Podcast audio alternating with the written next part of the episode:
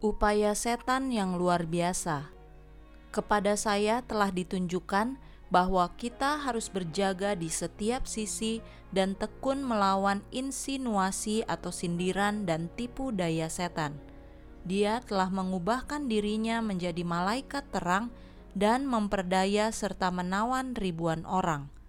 Keuntungan yang dia ambil dari ilmu pengetahuan tentang pikiran manusia sangat luar biasa. Di sini, seperti ular, dia menyusup masuk tak kelihatan untuk merusak pekerjaan Allah. Mujizat-mujizat dan pekerjaan Kristus semua dijadikan seperti usaha manusia. Jika setan mengadakan serangan yang berani dan terang-terangan terhadap kekristenan, itu akan menimbulkan kecemasan dan pergumulan umat Kristen di kaki penebus, dan pelepas yang kuat lagi berkuasa akan menghalau musuh yang berani itu. Namun setan menyamar seperti malaikat terang, bekerja dalam pikiran untuk menariknya jauh dari satu-satunya jalan yang aman dan benar. Ilmu-ilmu frenologi atau sistem menilai sifat dan daya pikir orang berdasarkan bentuk tengkoraknya, psikologi, dan hipnotisme telah digunakan setan sebagai saluran langsung kepada generasi ini dan ciri khas pekerjaannya menjelang penutupan pintu kasihan ditandai dengan kuasa itu. Sementara kita mendekati akhir zaman, pikiran manusia akan lebih siap terpengaruh oleh tipu daya setan. Dia menuntun manusia fana yang tertipu itu untuk menganggap pekerjaan dan mujizat-mujizat Kristus adalah hal-hal yang biasa Setan pernah berambisi memalsukan pekerjaan Kristus serta menetapkan kuasa dan tuntutannya sendiri. Biasanya ia tidak melakukannya secara berani dan terbuka.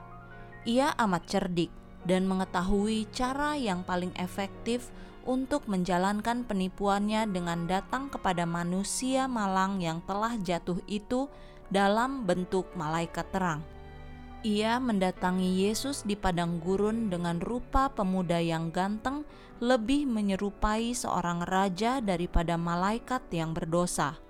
Dia datang dengan mengucapkan kitab suci dan berkata, "Sebab ada tertulis," dan seterusnya. Juru selamat kita yang menderita itu membalas dengan kitab suci dan berkata, "Ada pula tertulis." Setan mengambil kesempatan ketika Kristus lemah dan menderita. Ia mengenakan sifat manusia pada dirinya. Bahaya percaya pada diri sendiri. Jika setan dapat mengaburkan dan menipu pikiran manusia dan menuntun orang berdosa untuk berpikir bahwa ada kuasa bawaan pada diri mereka untuk menyelesaikan pekerjaan besar dan baik, mereka akan berhenti mengandalkan Allah dalam melakukan pekerjaan mereka karena menganggap ada kuasa pada diri mereka sendiri. Mereka tidak mengakui kuasa yang lebih tinggi. Mereka tidak memberi hormat kepada Allah yang patut diberikan karena kebesaran dan kemuliaannya. Demikianlah tujuan setan terpenuhi dia bergembira karena manusia berdosa dianggap meninggikan diri sendiri, sebagaimana ia telah meninggikan diri di surga dan terusir keluar. Ia memahami bahwa kebinasaan manusia pasti sama jika meninggikan diri seperti pengalamannya dulu. Merusak kepercayaan, setan telah gagal ketika mencobai Kristus di padang gurun rencana keselamatan telah dijalankan.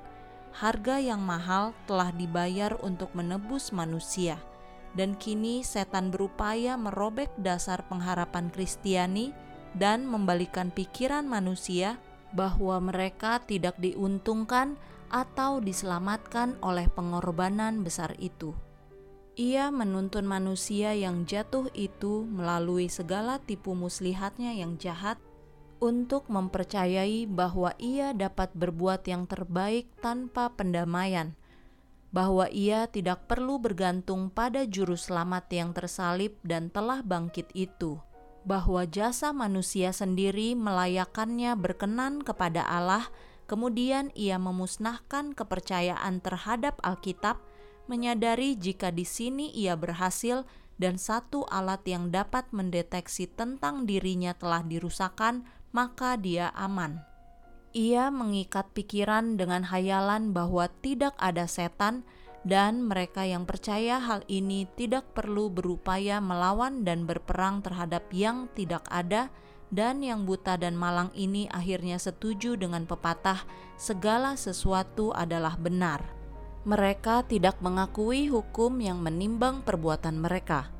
Setan menuntun banyak orang untuk mempercayai bahwa berdoa kepada Allah adalah percuma dan hanya formalitas. Ia sangat memahami betapa pentingnya meditasi dan doa untuk menyadarkan para pengikut Kristus melawan kelicikan dan penipuannya. Muslihat setan akan mengalihkan pikiran dari kegiatan ini agar jiwa tidak bersandar pada bantuan yang maha kuasa dan menerima kekuatan dari Dia untuk melawan serangannya. Jika kita melalaikan upaya berdoa, berarti melayani tujuannya, mujizat-mujizat penipuannya pun akan lebih mudah diterima. Setan menjalankan tujuannya dengan menyusun pencobaan-pencobaan yang memperdaya manusia, yakni pencobaan yang gagal dilakukannya terhadap Kristus. Kadang-kadang ia datang sebagai orang muda yang manis atau bayangan indah. Ia menyembuhkan dan disembah oleh orang-orang yang sesat dan dianggap pemberi berkat kepada manusia. Mengendalikan pikiran kepada saya ditunjukkan bahwa setan tidak dapat mengendalikan pikiran kita kecuali kita menyerahkan diri pada kendalinya.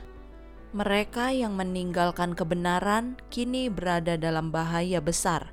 Mereka memisahkan diri dari Allah dan pemeliharaan para malaikatnya, dan setan yang senantiasa siap siaga untuk membinasakan jiwa-jiwa mulai menyajikan muslihatnya maka mereka berada pada jurang bahaya. Dan jika mereka sadar dan berupaya melawan kuasa-kuasa kegelapan dan melepaskan diri dari jerat-jerat setan, itu bukanlah hal yang mudah. Mereka telah berada di wilayah setan, dan tentu ia menuntut mereka. Ia tidak akan ragu-ragu berupaya sekuat tenaga dan memanggil para malaikat jahat membantu merenggut seorang pun dari rangkulan Kristus. Mereka yang mencobai iblis untuk menggoda mereka harus berupaya keras untuk membebaskan diri dari kuasanya. Bila mana mereka mulai berupaya melepaskan diri, para malaikat Allah yang telah didukakan akan datang untuk menyelamatkan mereka setan dan para malaikatnya tidak mau kehilangan mangsanya. Mereka berjuang dan berperang melawan para malaikat suci, dan pertentangan ini sangat sengit. Dan jika orang-orang berdosa itu terus memohon dan dengan sangat rendah hati mengaku dosa mereka, para malaikat yang jauh lebih berkuasa akan menang dan merenggut mereka dari kuasa para malaikat iblis tirai terbuka. Sementara tirai terbuka dan kepada saya ditunjukkan kejahatan zaman ini, hati saya sangat muak dan rasanya hampir pingsan. Saya melihat penduduk bumi telah memenuhi cawan kejahatan mereka. Murka Allah menyala dan tidak terpadamkan lagi sampai orang-orang berdosa dimusnahkan dari muka bumi. Setan adalah musuh Kristus ia adalah pencipta dan pemimpin setiap jenis pemberontakan di surga dan di bumi. Kegeramannya bertambah dan kita tidak menyadari kuasanya. Sekiranya mata kita dibuka dan dapat melihat para malaikat jahat bekerja pada mereka yang merasa nyaman dan menganggap diri mereka selamat, kita tidak akan merasa aman. Setiap saat para malaikat iblis berada di jalan kita kita berharap orang-orang jahatlah yang siap sedia melakukan anjuran-anjuran setan. Akan tetapi, ketika pikiran kita tidak terjaga terhadap agen-agen siluman setan, mereka mengambil lahan baru dan akan melakukan mujizat-mujizat dan keajaiban-keajaiban di mata kita. Apakah kita siap untuk melawan mereka dengan firman Allah, satu-satunya senjata untuk meraih kemenangan? Beberapa orang akan tergoda untuk menerima mujizat-mujizat ini sebagai yang berasal dari Allah. Orang sakit akan disembuhkan di depan mata kita. Mujizat-mujizat akan ditunjukkan di mata kita Apakah kita siap pada ujian ketika mujizat dusta setan diperagakan lebih seksama? Tidakkah lebih banyak jiwa yang terjerat dan tertawan? Berbagai kesalahan, penyimpangan dari ketetapan-ketetapan dan hukum-hukum Allah, dan mendengar dongeng adalah mencocokkan pikiran pada mujizat-mujizat dusta setan ini. Semua kita harus berupaya mempersenjatai diri pada pertarungan yang akan segera kita tempuh. Percaya pada firman Allah, menghidupkan dan belajar dengan doa adalah pelindung dari kuasa setan dan akan memunculkan kita sebagai pemenang melalui darah Kristus.